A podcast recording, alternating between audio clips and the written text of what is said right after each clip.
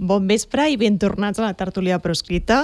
Només ha passat un mes, però quin mes? Quantes coses han passat? No sé si en una hora tindrem temps de posar tot en ordre, de mirar, d'analitzar el que ha passat aquest mes, però ho intentarem, i si no, tindrem una hora la setmana que ve, i l'altra, i l'altra. Què us sembla?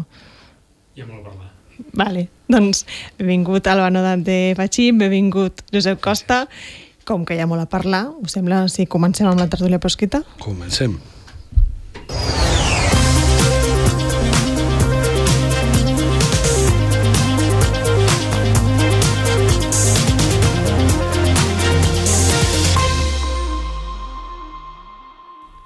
I per començar us volia dir què és el que més us ha sorprès durant aquest mes? Perquè han passat moltíssimes coses, però no sé si destacaríeu alguna cosa concreta, alguna cosa general. Tampoc mm, em feu un mega explicació, perquè tindrem hores per anar... bueno, no, hores no, tindrem una hora per anar entrant amb els diversos temes, però què és allò que destacaríeu així ràpidament, amb un titular? No, jo crec que mm, és, eh, és destacable la rapidesa amb la que hem oblidat el, la desfeta electoral dels partits independentistes el 23 de juliol, el fet de que tots ells tenen molts més exvotants que votants i ens hem submergit, diguéssim, amb una passió, diguéssim, i amb una dedicació a l'agenda política espanyola i al debat de la investidura espanyola que, bé, em preocupa una mica, sobretot pensant que dilluns és la diada i que el que hauríem d'estar fent és mobilitzant el país i, i marcant el camí des del carrer. Doncs mira, eh, jo el mateix però en sentit contrari. Jo crec que una que és per celebrar, malgrat que l'atenció estigui posada efectivament en un marc espanyol que té a veure amb la investidura d'un govern espanyol i amb les negociacions amb Espanya, la part positiva és que fa l'efecte que malgrat haver estat agost la gent ha estat com molt molt atenta, no? I una de les coses que que a mi em preocupava molt, o em preocupa en general, és quan la gent desconnectem no? de lo que, del que està passant perquè ja ho dones tot per perdut i quan passen coses, encara que sigui que no ens agraden, però que ens mantenen com a comunitat política o com a moviment polític, doncs atents al que passa, al que no passa, al que ha dit aquest, al que ha dit l'altre, i que això passi a més a més a l'agost, jo crec que és bona senyal i que enganxa una mica amb la sí, idea de que... i quan dilluns siguem tots a la Per això, per això, aquí està. Jo crec que aquest interès, encara que sigui per, per denunciar tot el que s'està fent, però aquest interès que aquestes setmanes hem viscut en, la, en el tema de l'actualitat política, jo crec que ajuda a, a, a, a tornar a reviure la consciència de la importància del nostre paper com a ciutadans, com a manifestants i com a activistes. Eh, us sembla si anem per parts, diguéssim, no? Perquè sí que on ho vam deixar nosaltres era que hi havia, és a dir, els partits independentistes havien tret un mal resultat, com deia el Costa, però sí que havien aconseguit ser claus per una possible investidura de Pedro Sánchez. A partir d'aquí, eh, sembla que no hi ha masses moviments, però és veritat que hi ha un dia, que és el dia que s'ha de, de decidir la mesa del Congrés espanyol, que en principi no semblava que hi hagués acord, però finalment hi ha uns acords. No? I això seria el primer moment que veus que les coses estan anant diferent que potser en un primer moment ens, ens pensàvem. Sí, jo crec que mm, a banda d'això que efectivament eh, és rellevant i, i ara en, en m'hi centraré, crec que hi ha una, una cosa de marc que és important de tenir-ho de tenir present, que és que el, el que està damunt la taula, vist des de Catalunya o vist des d'Espanya, són coses diferents. És a dir, vist des de Catalunya, sobretot veiem totes aquestes negociacions en clau del conflicte entre Catalunya i Espanya, no? és a dir, amb l'eix nacional. Uh, però vist des d'Espanya, vist des de Madrid, uh, predomina uh, fins a cert punt uh, l'eix esquerra-dreta, és a dir, la política de blocs espanyola. Uh, tenim el PP, que té una estratègia pensada per absorbir Vox. És a dir, necessiten uh, retenir uh, el màxim de vots possibles de Vox per una senzilla raó, que és que no tornaran a governar si no aconsegueixen concentrar el vot de dreta que uh, i aquesta és una dada dels resultats electorals que tampoc s'ha esmentat moltes vegades, si PP i Vox eh, sumen els seus vots i voten un sol partit, amb la llei electoral tenen majoria absoluta més que folgada. És a dir, PP i Vox per separat tenen més vots que els que va treure Mariano Rajoy quan va treure majoria absoluta de 186 diputats, el 2011. Per tant, l'objectiu del PP és aconseguir tornar a governar concentrant tot el vot de la dreta i, per tant, enfonsant Vox. I l'objectiu de eh, Pedro Sánchez i del PSOE és satelitzar tot el que no és PP i Vox. És a dir, tots els partits, eh, Sumar, a, a Bildu, el PNB, el BNG, tot això, Compromís, que ja és part de Sumar, tot això ja ho tenen satelitzat de fa 4 anys. I ara els hi queda fer una OPA cap a l'únic partit que no tenen satelitzat, que, que és Junts. Per tant, l'objectiu bàsic del PSOE aquí és satelitzar Junts en aquesta negociació. Satelitzar-la en, un, en un mapa de PP contra PSOE, és a dir, posar-lo sòlidament en el bloc del PSOE i, per tant, a, a guanyar la batalla en clau espanyola. I jo crec que això és, és important perquè eh, de, si no mires els dos eixos de la negociació i del debat, eh, no entens eh, tot el que està passant. Ens ha situat, diguéssim, abans de tot. Sí, i, i és interessant... Um, tu preguntaves per... Uh, per la mesa, per, per, la per mesa, aquells no? acords que de cop vale. aquell matí ens van despertar que hi havia uns acords que no, no ho sabíem. Va. En, en aquell moment una de les coses que es va dir era això és només una primera part uh. -huh. eh, s'ha de veure la fotografia sencera és a dir, una part és la mesa l'altra és la, la investidura. investidura fa pocs dies hem tingut un, alt, un avançament ja de lo que seria la segona part, la investidura, no? el discurs de Puigdemont. De, de Puigdemont. Tu abans feies aquesta lectura del, del mapa general i també mirant o sigui, com el que s'està parlant aquí s'incardina, diguéssim, dintre de la batalla general a Espanya, a mi el que em té el que em crida l'atenció o el que, o el que m'agrada intentar esbrinar és, diguéssim, l'altre extrem. És a dir, com tot això, les investidures, els discursos, les negociacions, eh, com afecten o quin efecte tenen aquí en, el, en, en la comunitat de, en el moviment sobiranista. És a dir, eh, si el que estem veient ajuda a mobilitzar, si el que estem veient ajuda a la gent a superar aquests sis anys de, de mal rotllo i de mala maró, o, al contrari, aprofundeixen. Jo sóc optimista. Uh, jo escoltava Puigdemont si vas a VilaWeb i agafes el, el text transcrit del discurs uh -huh. i dius uh, no sabem qui, qui ho ha dit, si ho ha dit uh, Puigdemont o ho ha dit Aragonès. Si féssim aquest exercici uh, i anéssim als fets, algú podria dir, home, al final Puigdemont uh, està posant sobre la taula una taula de diàleg amb amb el seu accent, però una taula de diàleg, no? L'amnistia, el reconeixement internacional de no sé què, el diàleg de no sé quantos, el reconeixement de l'independentisme. Llavors, si mires els fets, dius, i és una de les crítiques que se li està fent a aquest discurs i és una de les coses que li fa molta por a molta gent, de dir, bueno, els fets tampoc són tan diferents al que s'ha criticat Esquerra Republicana en aquests sis anys i que, insisteixo, el que més me preocupa és l'efecte que pugui tenir dintre el moviment independentista. Dit això, crec que hi ha una qüestió de to o hi ha una qüestió de momento del moviment sobiranista que fa que hi hagi coses que sí que són diferents, més enllà dels fets. Uh, per exemple, el, el canvi de paradigma de no ens queda més remei que investir PSOE o aprovar uns pressupostos del PSOE perquè l'alternativa és Vox, a aquesta cosa de, escolta'm, aquestes són les nostres condicions i vosaltres ja us ho fareu.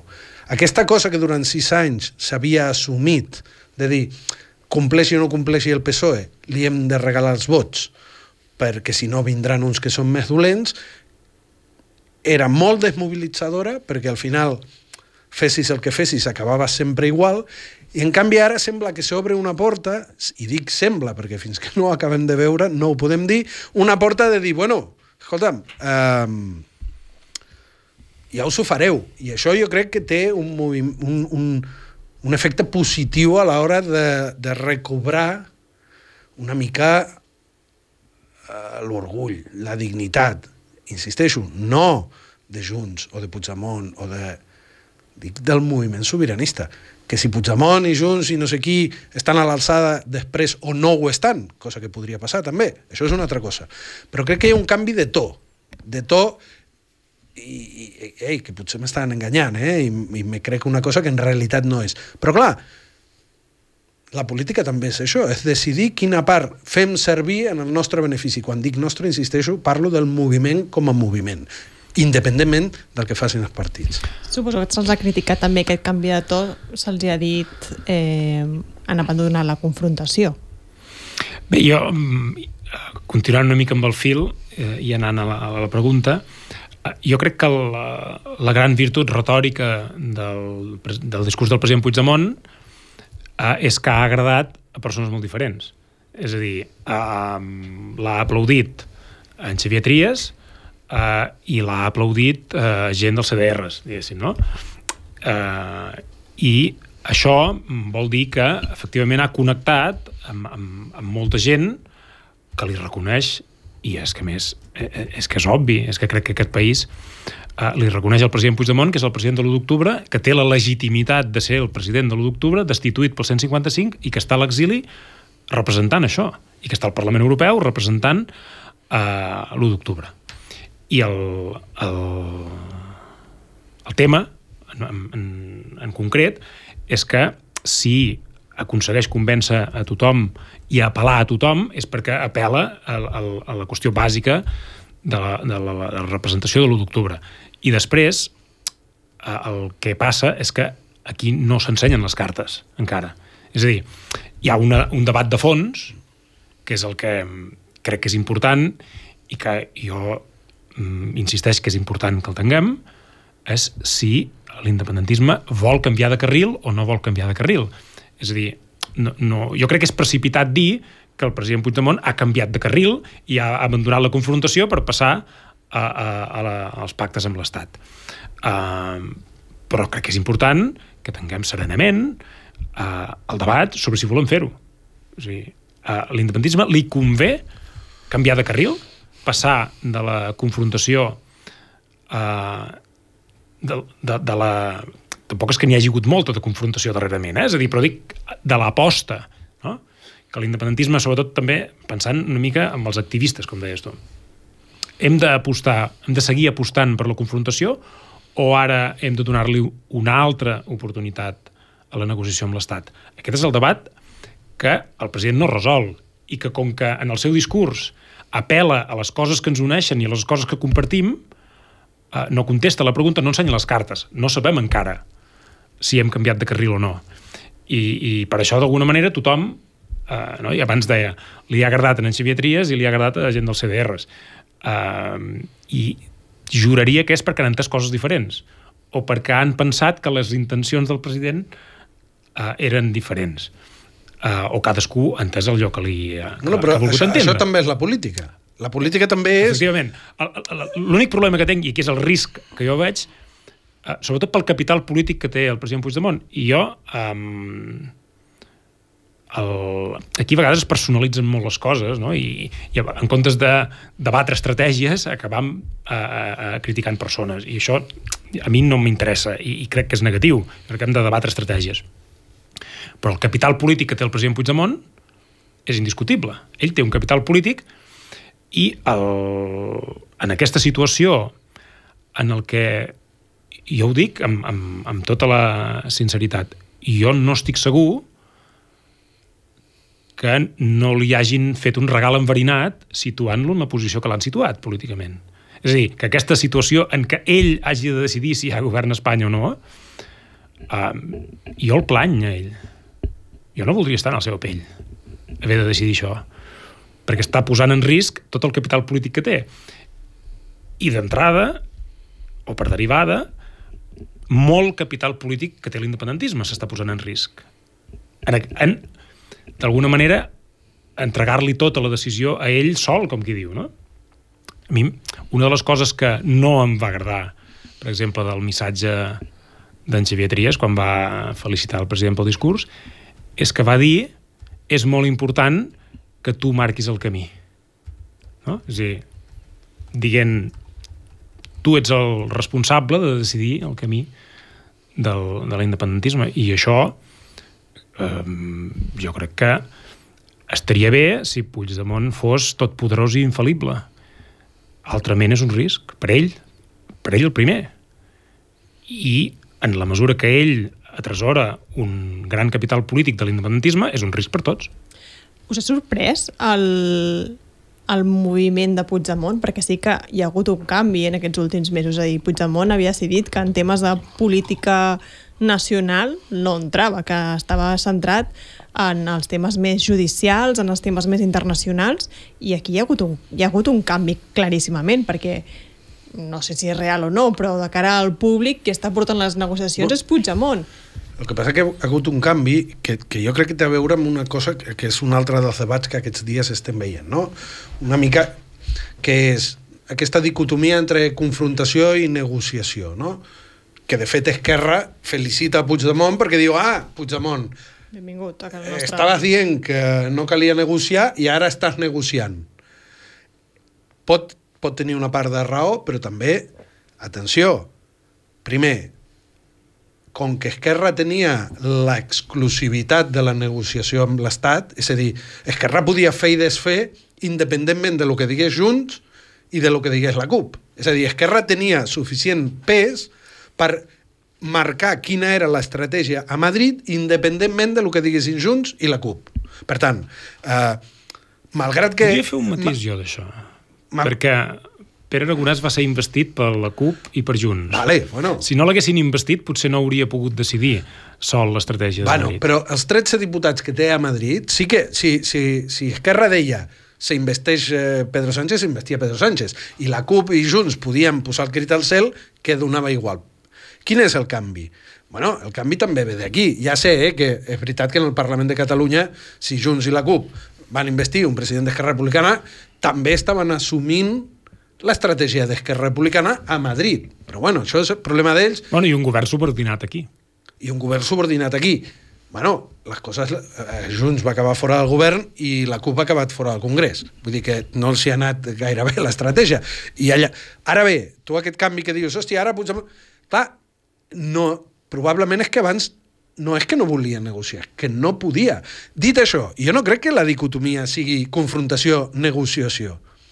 És a dir, la dicotomia és negociar rendit o, nego o sigui, negociar la defensiva o negociar l'atac. Que te pot acabar sortint malament, que pots acabar traicionant tu tot.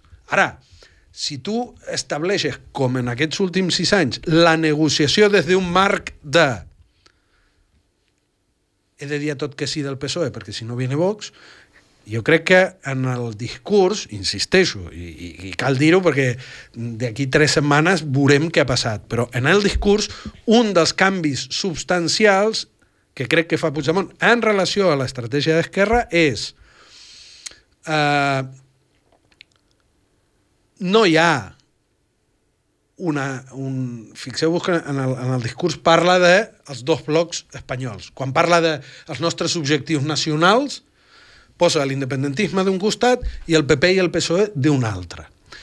Això és un canvi total amb l'estratègia d'Esquerra. L'estratègia d'Esquerra justament es basava en dir que havien uns partits espanyols millors que altres pel projecte nacional de Catalunya.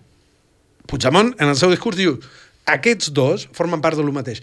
Crec que amb això recupera una cosa en la qual es basava l'independentisme i fins i tot l'1 d'octubre, que era, escolta'm, no hi ha bons i dolents, depèn tot de nosaltres, això una, i recupera fins i tot la, la qüestió fundacional del 15M, de dir PP i PSOE en molts aspectes, en els aspectes realment importants per nosaltres, són el mateix. Això es va dir a les places del 15M, això va ser el gran motor del procés sobiranista i ho recupera. Insisteixo, eh, que després actuï en conseqüència ja és una altra cosa. Però crec que és important, perquè si tu negocies constantment a la defensiva, entre d'altres coses, provoques el que hem vist aquests sis anys, que és una desmobilització enorme. Per què? Perquè si tu ja saps, si tu ja tens absolutament clar que els teus vots o que els vots de l'independentisme a Madrid només serviran, en el millor dels casos, per investir al PSOE, certament, escolta'm, per què anar a votar, per què votar independentistes i fins i tot per què anar a una mani perquè després aquella força sigui usada sí o sí i sense cap mena de dubte per el PSOE. Si això canvia, i això sembla que és el que Puigdemont ha deixat anar, veurem si acaba sent realitat o no. Però si això canvia, crec que és molt important pel moviment sobiranista. I una, altra, una última cosa. Em fa l'efecte, fixeu-vos, eh, ha sortit Esquerra crec que el diari Ara avui publicava alguna com que Esquerra estan molt preocupats perquè, clar, ells tenen els mateixos set diputats que Puigdemont. En canvi, tothom està pendent de lo que facin els de Junts i no, des d'un punt de vista matemàtic estan igual. Quina és la diferència? Que tothom dona per descomptats els d'Esquerra. Què passa? Esquerra ja estan satelitzats del PSOE. Vale.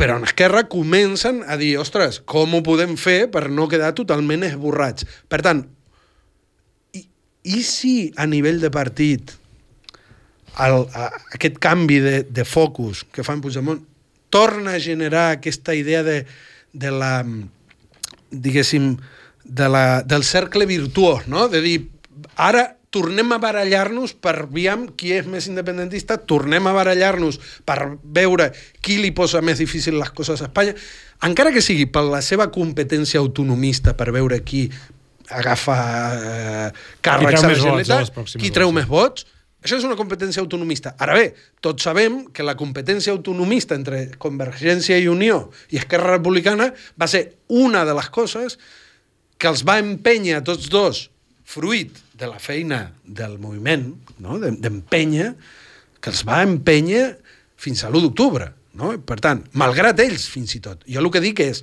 que si es torna a reactivar aquest cercle, malgrat Esquerra Republicana i malgrat Puigdemont, si es torna a activar aquest cercle i si som capaços, com a moviment, d'empènyer-los en aquesta direcció, potser sortim d'aquests sis anys de, de rendició. Jo, hi ha una cosa que, eh, si em permets afegir, que és que, eh, diguéssim, mirant, amb la mirada llarga, eh, l'he repetit diverses vegades, i, i a mi em preocupa eh, especialment. Eh, quan els independentistes fem d'independentistes, és a dir, quan som independentistes practicants, que realment eh, estan posant la directa cap a la independència, els nostres vots a Madrid no els vol ningú. Si, si, PSO, si el PSOE, perquè evidentment el PP no, no, no, no s'ho pot permetre, però si el PSOE vol satelitzar els vots de Junts, és per alguna cosa. És perquè la situació és diferent d'abans. Perquè ara, d'alguna manera, el que està passant a Catalunya no els fa por perquè no, te, no ens respecten ara mateix. Ara, ara mateix... Bueno, però això ho podrem dir quan el no, PSOE és dir, hagi acceptat els vots de Junts. Bueno, de moment... Ah, potser no, no s'accepta. No, ara, retòricament, els donen, no és que els acceptin, és que els donen per descomptats que els tindran. Bueno, veurem. Uh, per tant, el que vull dir jo és que uh, el 2016, quan teníem la directa posada cap a l'1 d'octubre, els vots independentistes no els volien. És que ni es reunien. Jo vull recordar que el, el Pedro Sánchez va arribar a president del govern a través d'una moció de censura en què va renegar dels vots independentistes. O sigui, no va ni tan sols dignar-se a fer reunions per demanar el vot dels independentistes. Perquè en aquell moment eren vots tòxics, era una cosa que hi havia un, a Espanya hi havia un cordó sanitari sobre els vots independentistes. Per tant, hi ha una cosa aquí que no funciona que, és, que si, es, si, si un bloc dels dos d'Espanya vol satelitzar el, tots els vots independentistes, és que aquests vots independentistes a, a Catalunya no estan fent la feina, que tampoc, eh, tampoc és dir gran cosa això, perquè és evident que Catalunya no està fent la feina. I aquesta és l'altra qüestió que jo crec que eh, tots nosaltres, eh? I, i això no és una crítica a ningú, ni, és, ni, ni, ni, estic valorant aquí el discurs de, del president, que, que ja l'he valorat abans. El, el debat que hem de tenir nosaltres és si estan preparats, com a moviment independentista, per embarcar-nos en una negociació amb Espanya. És a dir, jo sóc fan, no duc una samarreta perquè no és el meu estil, però jo hauria de dur una samarreta amb aquelles paraules de Junqueras del 2012 que deien eh, parlar amb Espanya no té sentit, perquè Espanya no voldrà parlar i si vol parlar ens enganyarà. Això ho va dir el 2012. I, i jo, jo, mm, és a dir, com que quan ho deia era lliure eh, eh, i parlava com a historiador i com a persona que, eh, diguéssim, entenimentada, crec que això no ho ha desmentit ningú encara. I um, com a moviment hem de tenir el debat. Ens pot agradar a veure uh, qui digui que no gaudeix uh, veient a na Yolanda Díaz i els comuns arrossegant-se per aconseguir els vots de la malèfica burgesia catalana, eh? qui no disfruti amb això és que no és, que no és independentista, diguéssim, no? És a dir, tots nosaltres estam passant-nos-ho de pipa, diguéssim, veient com, com s'arrosseguen els comuns suplicant el vot de, de, de la malèfica eh, dreta independentista. Dit això, eh, mirem cap a dins a casa. Eh, volem negociar amb Espanya? Dir, el president Puigdemont posa damunt la taula una llista de condicions que ell entén que hauria de complir Espanya perquè nosaltres volguéssim negociar amb ells o poguéssim negociar amb ells. Jo crec que eh, tenim un debat pendent, que és quines condicions hem de complir nosaltres per poder negociar amb Espanya. Vale. Podem, ja. negociar, podem negociar amb Espanya amb alguna expectativa d'èxit, eh? podem negociar amb Espanya amb alguna garantia d'avançar cap a la independència i no seguir reculant amb un govern rendit, amb un país desmobilitzat, amb uns partits independentistes que han perdut més de la meitat dels vots, No. amb els partits dirigits per líders indultats i pendents de judici? Amb aquestes condicions podem afrontar una negociació amb Espanya en garanties? Nosaltres, eh? No les garanties que ha de posar Espanya per una bona negociació. Nosaltres ens podem permetre anar a negociar res amb expectatives de fer-ho bé amb aquestes circumstàncies? No. Per això jo et deia que el canvi d'enfoc que suposa la proposta de Puigdemont, que en el fons és negociar amb Espanya, igual que negociava... Igual, vull dir, el concepte d'interlocutar amb, amb el govern espanyol, el canvi pot ser, si també com a moviment ho sabem eh, articular, el canvi pot ser de tornar a mobilitzar el país, de tornar a posar-nos d'empeus. Clar, insisteixo, eh, això hauria de ser possible independentment de lo que faci Esquerra, de lo que faci Puigdemont i de lo que faci la CUP. Ara bé, si, si tota la estructura... És a dir, el que jo deia abans del cercle virtuós, si Junts ara, per les seves interessos electorals i fins i tot autonomistes, deixem-ne dir, es posa més dura de lo que ha estat eh, Esquerra Republicana en aquests anys, que no costa gaire, però si es posa més dura, més exigent, fins i tot encara que sigui en un marc retòric, obliga a engegar això. I engegar això jo crec que és el que ens permet mobilitzar al voltant d'una manera de plantar-se. Escolta'm, eh, és veritat, ja pots tu fer els discursos abrandats que vulguis, que si el país està desmobilitzat i la gent està descontenta o, o directament ja desconnectat de la política, doncs poc a fer tens més que anar a treure algun rèdit pel teu partit. No? Jo, um, per, Per això dic que... que- que recuperi la pregunta, perquè jo, algú pensarà que estic escapolint de les preguntes, i no és cert. Uh, responc la pregunta una vegada amb aquest context que he dit. Algú uh, seriosament pot imaginar que és un plat de bon gust pel president Puigdemont trobar-se en la situació de tenir la clau del govern d'Espanya i tenir la petició, diguéssim, la pressió d'haver de negociar o haver de fer una oferta de negociació quan el país està en la situació que està? És a dir, quan realment no tenim les condicions per negociar? Quan en el país no existeixen les condicions? Per què? Per la suma incompetència d'Esquerra Republicana en els quatre anys precedents.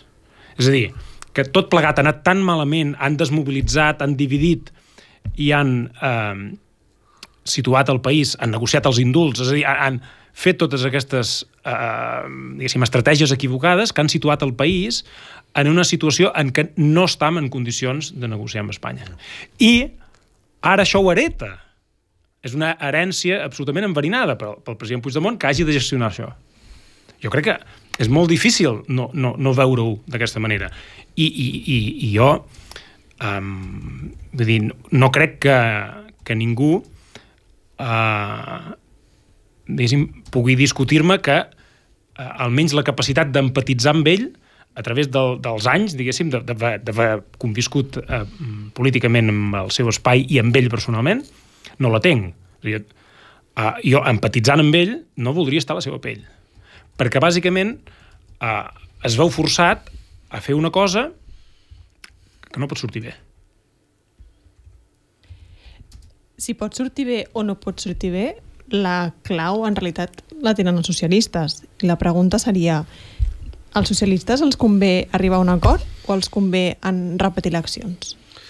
És que jo crec que en això que dèiem del cercle virtuós, que deia abans, una part d'aquest cercle, cercle virtuós és que en la manera en la qual eh, Puigdemont exposa les seves condicions, que tampoc són res de l'altre món, però l'exposa d'una manera que fa difícil que el PSOE pugui acceptar.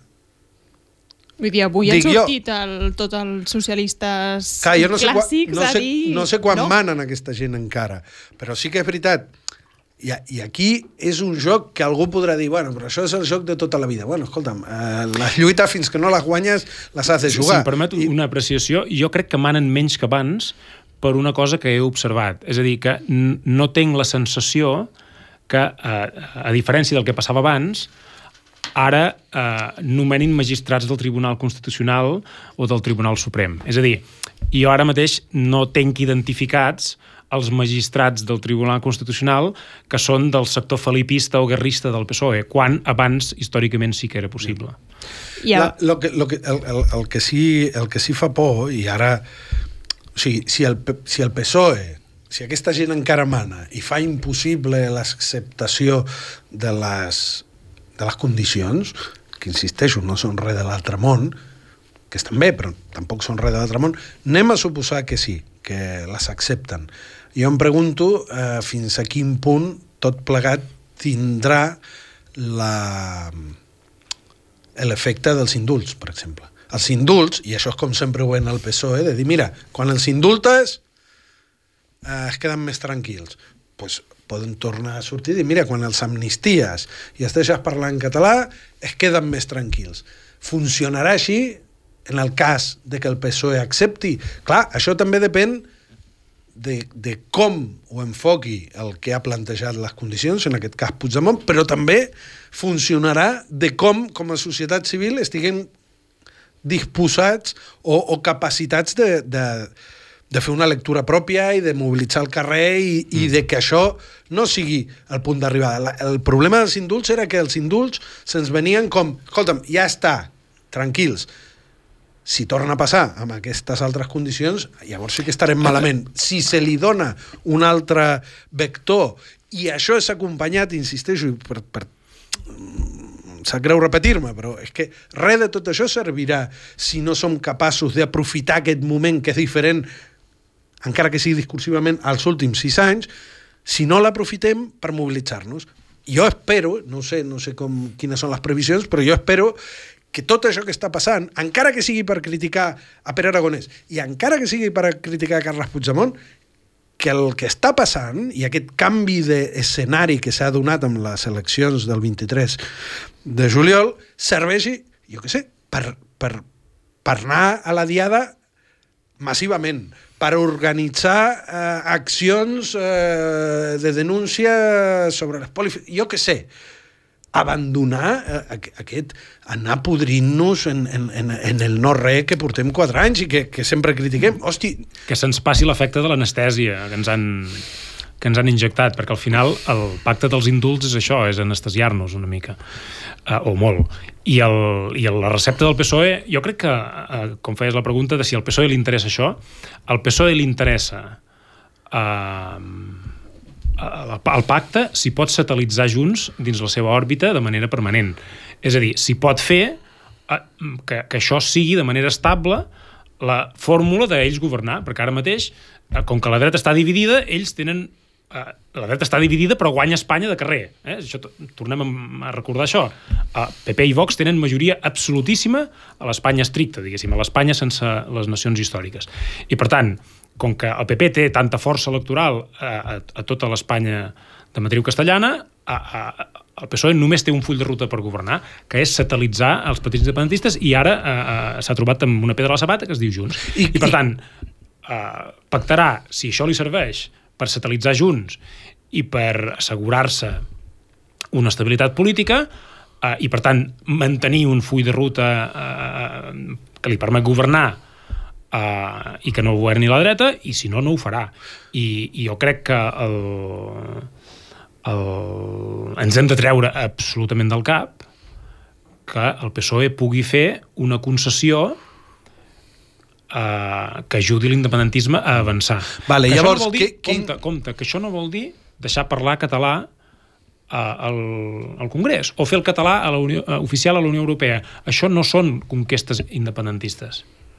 Això són conquestes d'una Espanya plurinacional. És a dir, això són conquestes de l'Estatut del 2006 en tots els respectes. És a dir, el català a la Unió Europea és l'article 6 de l'Estatut del 2006. Uh, uh, I el que es pugui parlar uh, català al Congrés és l'Espanya plurinacional que ens ven a Yolanda Díaz.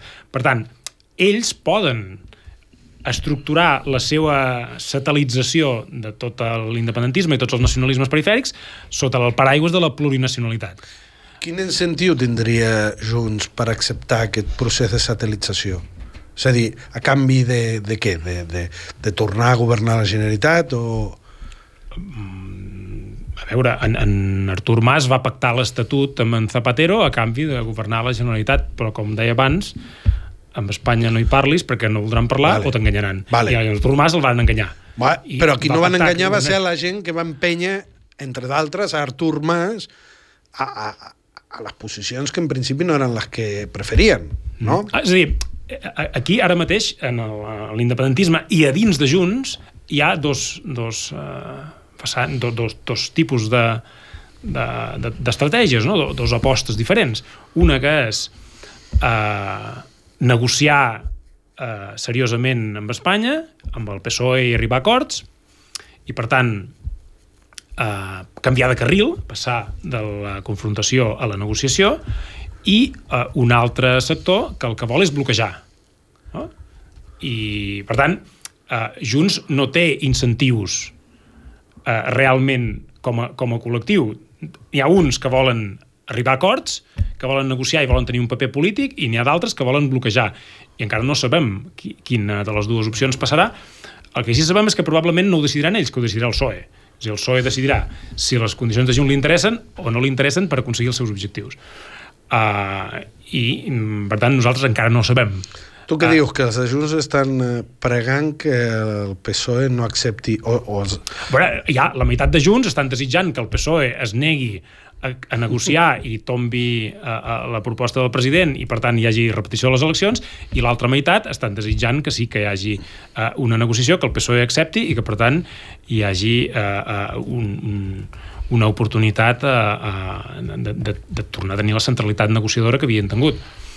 Uh, i, I el PSOE, ho diuen obertament, no ho dic jo, pensen que la clau uh, és uh, comprar els vots amb l'amnistia. Igual que varen comprar els vots amb els indults. Jo tinc un dubte sentint en tot això. Què diferencia, és a dir, l'amnistia amb els indults? És a dir, tu has dit ara, no? Amb els indults van comprar uns vots, és a dir, i a més a més han jugat sempre en aquests indults es poden eh, fer marxa enrere, diguéssim, d'alguna bueno, manera. I a més fan el discurs que això ha, ha anestesiat l'independentisme. Correcte. Que, mm... Llavors, amb l'amnistia poden fer exactament el mateix o és diferent aquesta amnistia? Perquè l'amnistia no, no dius uns noms. Efectivament. No, el, el, jo, jo crec que el, tot el que sabem de l'amnistia és que, eh, una de les primeres coses que sabem, almenys, és que si si s'aprova una amnistia, probablement no es dirà amnistia. És a dir, que buscaran alguna fórmula per no dir-li amnistia. Això és una de les coses que, que s'ha dit. Per tant, no sabem exactament què serà. A veure, una, una amnistia eh, només té sentit des d'un punt de vista jurídic, estic parlant només estrictament eh, des d'un punt de vista jurídic. Eh, una amnistia només és tal, només eh, es desplega els seus efectes plens com a amnistia si els fets amnistiats deixen de ser delicte. Uh -huh. uh, si no, jo crec que no se'n pot dir una, un, una amnistia pròpiament dita. Si tu amnisties els que han fet l'1 d'octubre, però fer l'1 d'octubre segueix sent delicte, és dir, tornar-ho a fer segueix sent delicte, això no és una amnistia. Eh, això és una altra cosa. I, i et dic que segurament no, no en diran amnistia. Um, però ells, ells estan convençuts. És dir, el PSOE estan convençuts eh, o un sector del PSOE, que és el que eh, apunta cap aquí, que donar els indults a Esquerra Republicana ha estat una jugada mestra, que els hi ha permès eh, neutralitzar eh, Esquerra Republicana, desmobilitzar l'independentisme, anestesiar les reivindicacions, etc etc. I, el, i que al final, des del seu punt de vista, el nom no fa la cosa i al final ells el que volen fer és exactament una cosa que tingui el mateix efecte que els indults. Però per entendre'ns, eh, eh, una amnistia, és a dir, els indults els líders polítics independentistes, és a dir, Junqueras, continua sense poder-se presentar unes eleccions. Si hi ha una amnistia, Puigdemont pot tornar i Puigdemont es pot presentar? Depèn del, del que digui la llei. És a dir, si hi ha una amnistia, no serà no, jutjat. De no amnistia, diguéssim, no? Mm no, no ho sé, és a dir, si volen fer, si volen fer una... El president Puigdemont es pot presentar a les eleccions ara mateix. Uh -huh. és dir, no, no està inhabilitat. Per tant, no, no, no, no, no, no una... puc respondre perquè com que volen yeah. fer una cosa ad hoc, eh, jo imagino que si, que si es fa una amnistia, el, la qüestió, eh, si algú l'accepta, eh, evidentment, com a mínim extingirà la, les causes i, per tant, mm, restituirà plenitud de drets a tots els uh, amnistiats, que com que no se'ls ha jutjat no els han perdut. Um, però, mm, no sé, més enllà d'això, um, com que ja dic, com que volen fer una cosa que no surti en els manuals perquè no es pugui dir amnistia, perquè no... Uh, um, no se'ls hi espanti segons qui, doncs, no, no, no sabem com anirà. Evidentment, el,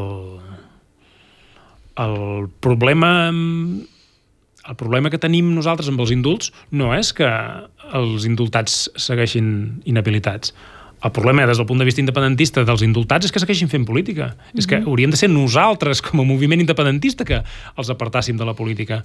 No, no, no Espanya, que els té inhabilitats de forma injusta i de forma uh, il·legal, però, però jo crec que políticament uh, s'haurien d'apartar de la política. I, per tant, mm, no sé si estan parlant de que tot un seguit de persones que ara estan pendents de causes judicials eh, eh, els hem d'amnistiar perquè puguin continuar fent política. Doncs jo penso que tota la gent que està pendent de judici a les circumstàncies actuals no s'hauria de dedicar a la política. Però ens podríem trobar amb les pròximes eleccions al Parlament de Catalunya amb Junqueras i Puigdemont presentant-se a la presidència? Mm, estic Això ens ho han de... No, no, és a dir, poder pot ser, és a dir... A, a mi la, la... És a dir, en, en realitat eh, l'independentisme segueix amb aquesta dualitat de líders, mm. no? És a dir, al final, eh, eh, Pere Aragonès, eh, eh, tothom el veu, diguéssim, com el, la persona que li guarda el lloc eh, en en Junqueras, i ara veiem el president Puigdemont, que és el que eh, té el poder absolut eh, eh, de representació de Junts. Per tant, mm, com poder ser, jo no vist jo, cap... cap jo... si, si, si realment es fa una, una amnistia, eh, no hi veig cap eh, impediment jurídic. Jo el que em pregunto és si unes hipotètiques eleccions um, al Parlament de Catalunya es celebrarien en un context eh, social de pressió i mobilització i denúncia de, de la situació que, del que comporta seguir sent una aut comunitat autònoma d'Espanya o no. És a dir, si com a moviment podem tornar a marcar els polítics que se presenten l'agenda. Per això deia lo del cercle mm -hmm. virtuós. Ostres, eh, que, que eh, no m'importa ben bé qui es presenti, sinó primer, per donar resposta a quines inquietuds, perquè si la inquietud és governar per la Catalunya sencera, ho digui Junqueras o ho digui Puigdemont, em sembla la mateixa estafa. Si és per fer un acord de claretat i per eh, el traspàs de Rodalies, em sembla la mateixa estafa. Ara, si eh, en aquelles eleccions el que aconseguim és pressionar als que se presenten perquè recullin el que jo crec que segueix sent una demanda vigent, que és que Catalunya, sent una comunitat autònoma d'Espanya, no té cap futur, bueno, pues veurem. Però això depèn d'ells i també depèn, insisteixo, i és l'última vegada que ho dic, depèn de eh, els activistes i el moviment sobiranista si és capaç de tornar a marcar-li l'agenda a Aragonès, a Junqueras, a Puigdemont o a qui sigui. I mm -hmm. crec que això ens toca a nosaltres. Això és la típica pregunta que ens fan moltes vegades, uh, i a mi me l'han fet aquests dies moltes vegades, que és, bueno, i, què proposes? I si, i, si, i, si no, I si el camí no és aquest, si el camí no és negociar la investidura d'en Pedro Sánchez, quin és el camí? Home, jo uh, ja ho he dit, uh, negociant investidures de governs espanyols, ho faci qui ho faci, no avançarem cap a la independència. Uh, investint presidents espanyols, no avançarem ni un mil·límetre cap a la independència, probablement recularem. Uh, i, i, I no estic pronosticant res, per tant, com que no sé si hi haurà investidura o no, que ningú se senti al·ludit com a crítica, sinó que uh, siguem conscients d'això, que uh, uh, el camí no és investir uh, presidents uh, espanyols. I a partir d'aquí, uh, quina és l'alternativa? No? A mi m'ho han dit moltes vegades, però què proposes? Ho hem d'intentar, ho hem d'intentar. No, dic, escolti'm, uh, he dit, si tots estàvem d'acord en que la via era la confrontació i la desobediència civil i la via unilateral, aleshores siguem coherents i defensem el mateix. Jo, és a dir, uh, jo, que no s'ha de pactar amb el PSOE, el govern de Madrid, des de la primera tertúlia que hem fet uh, aquí a VilaWeb, uh, ho he defensat cada dia. I, per tant, jo no sóc qui m'he de justificar per mantenir el que et dic des, de, des del primer dia de la tertúlia i des de fa 5 anys i des de fa 15, perquè jo no he votat mai el partit que investia governs a Madrid fos el que... Ah, per tant, jo no m'he de justificar. És qui vulgui una altra estratègia, qui vulgui canviar de carril, qui vulgui canviar d'estratègia, de, de, i jo no estic dient que ni Puigdemont, ni Junts, ni ningú hagi canviat. Estic dient, qui vulgui canviar, qui vulgui justificar un canvi, té la càrrega de demostrar que és millor que el que havíem defensat fins ara. I, el, i en tot cas, la meva alternativa la tenc claríssima. Mobilització. Govern dimissió és a dir, tots els carrers, govern dimissió, ni un pas enrere, desobediència civil, mm, exigència màxima amb els nostres representants polítics. Eh, no votarem candidatures plenes d'indultats i de gent represaliada que està segrestada per l'Estat. No ho farem. Eh, que se senti i que quedi clar. I, i, i reprendre l'estratègia de l'1 d'octubre. I tu deies abans, el cercle virtuós evidentment, tot allò que serveixi per eh, estimular l'orgull i la dignitat i l'autoestima dels independentistes. Absolutament a favor. I aquesta és una part que, evidentment, eh, eh, ho hem comentat, el discurs del president té aquesta ingredient d'estimular eh, sentiments virtuosos de l'independentisme. Per tant, eh, a favor. Però eh, hem, de, hem de tenir clar el camí. I el camí és aquest. El camí és bàsicament, esborrar tots els errors dels últims 4 i 5 anys. O sigui, tot, tot el que s'ha fet malament els últims 4 o 5 anys no s'arregla canviant els actors i allà on hi havia Esquerra posar-hi junts. No. Necessites uh, generar dinàmiques noves, canviar les dinàmiques i uh, posar el país una altra vegada en rumb cap a la independència.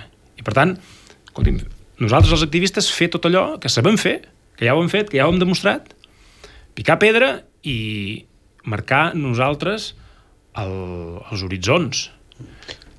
Ara que has dit pica pedra, eh, aprofito per recomanar... No, què? Perdó, és que jo sóc dels que teníem els dibuixos als pedra ah, petits pica i m'ha vingut al cap, perdó, no. però crec que no, no en referies a això. Perdó. No, no, me referia a, a, a una entrevista que li vau fer a Julià de Joder en Bou, sí. Um, sí.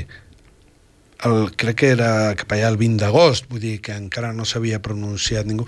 Jo mm, l'he llegit després de, de l'estiu i després de, del discurs de Puigdemont i, i la recomano molt perquè, malgrat que en Julià ho fa abans dels discursos, eh, hi ha moltes coses que són molt interessants. I una que diu és la de picar pedra, que jo crec que ha patit un cert desprestigi, no? per exemple, eh, si hem de denunciar el mal funcionament de Rodalies, o si hem de denunciar el dèficit fiscal, o si hem de denunciar l'infrafinançament de la sanitat pública, etc etc.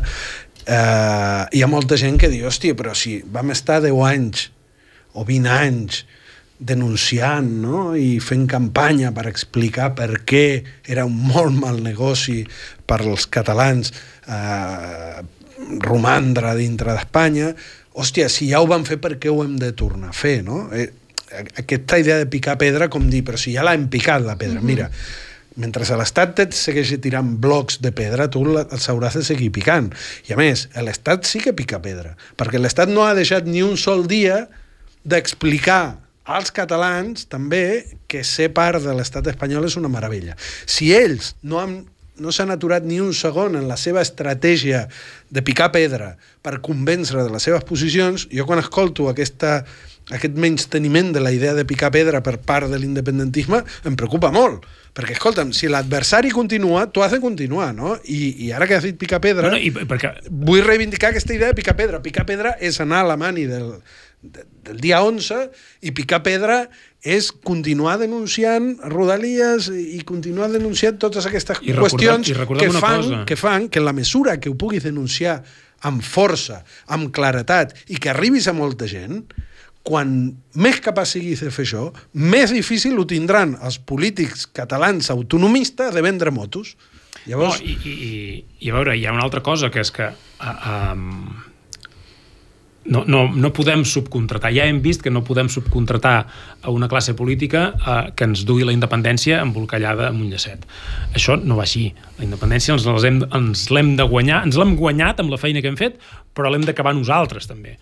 I, el, i, i sobretot una cosa que, que bé, ja l'he escrit moltes vegades, però tornar a insistir.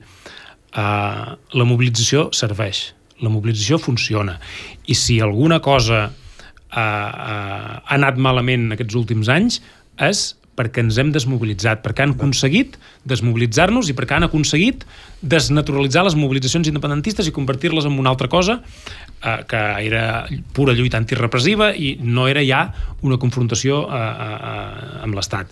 Per tant, sí, eh, picar pedra, anar a les manifestacions, això serveix, serveix manifestar-se i l'any passat, escolti'm, mm, que la gent recordi, L'any passat ningú ens volia la manifestació, vàrem anar a la manifestació, vàrem fer un cop de puny damunt la taula, va caure mig govern i l'altre mig ha de caure en guany. És a dir, a, a, tot això que hem parlat està molt bé. Va la manifestació, eh? Tenim un objectiu... Eh? Que va la manifestació tenim aquest any, un aquest mig objectiu, govern. Bueno, jo... Uh, Escolti'm, prou submissió, govern dimissió. El meu eslògan per la manifestació. Si en Pere Aragonès vol venir amb la meva pancarta, i és benvingut. Uh, uh, el, en tot cas, el, ho deia perquè uh, està molt bé tot el tema de Madrid, però uh, no ens enganyem. Tots sabem que a Madrid uh, no hi aconseguirem i podem aconseguir uh, avenços econòmics, avenços per la llengua, uh, uh, competències per la Generalitat... És a dir, sí, és a dir si, si, si, ten, si tenen un bon dia ens donaran això i l'endemà tornarà el PP i ens ho tornarà a prendre. Això és el problema. El problema és que qualsevol cosa que tu negocies amb el PSOE Eh, com molt bé va dir el president Puigdemont, estàs negociant amb el masover i el propietari del, del, del, del tros pot venir qualsevol dia i t'ho torna a prendre el que t'ha donat el, el masover. I per tant, eh, eh, tot allò que puguem negociar amb el PSOE és provisional, és condicional. I tot allò que puguem en aconseguir... En el millor dels casos. I tot allò que puguem aconseguir no ens, no ens acostarà a la independència. I, i per tant, tot és molt important. Eh, però el que és important aquí és acabar amb la submissió, acabar amb la resignació, acabar amb la desmobilització, fer caure el governet autonomista que tenim a la Generalitat, que ningú se'n recorda, que tenim un govern que, sense majoria, sense legitimitat parlamentària per governar i segueix allà com si fossin els reis del mambo, eh, i a més ara dient que eh, tothom eh, s'ha apuntat a la seva estratègia fallida de negociació amb l'Estat. Uh, per tant, aquesta és la nostra feina. És posar el país en unes condicions en què potser uh, algun dia, si arribam a fer efectiva la independència, aleshores tindrà tot el sentit del món negociar amb l'Estat. Us anava a dir que avui us heu perdut un... no heu sentit el tercer tertulià, que era, és l'Aleix que va passant-me preguntes, i una de les preguntes que va dir l'Aleix, que l'Aleix, perdó, els que no us coneixeu, és el nostre tècnic que està aquí, i m'anava a dir, i per aquests cascos, i el vaig sentir, em diu, i en tot això què pinta Aragonès? És que no pinta res.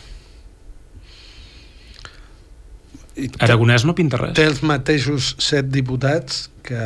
Eh, vull dir que aqu aquesta també és la, la és dir, constatació... Jo, jo entenc que, que volia dir també que pinta la, el pla que té Aragonès. És a dir, què queda de l'acord de claredat? Perquè era un projecte.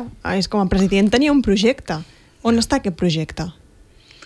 No sé, l'altre dia una de les persones que forma part del grup aquest de l'acord de claretat, l'Astrid Barrio, ahir, o abans, ahir crec que va ser, feia un tuit denunciant el, gairebé el cop d'estat del 6 i 7 de setembre, que per ser avui celebrem uh -huh. el sisè aniversari del fatídic ple del 6 i 7, no?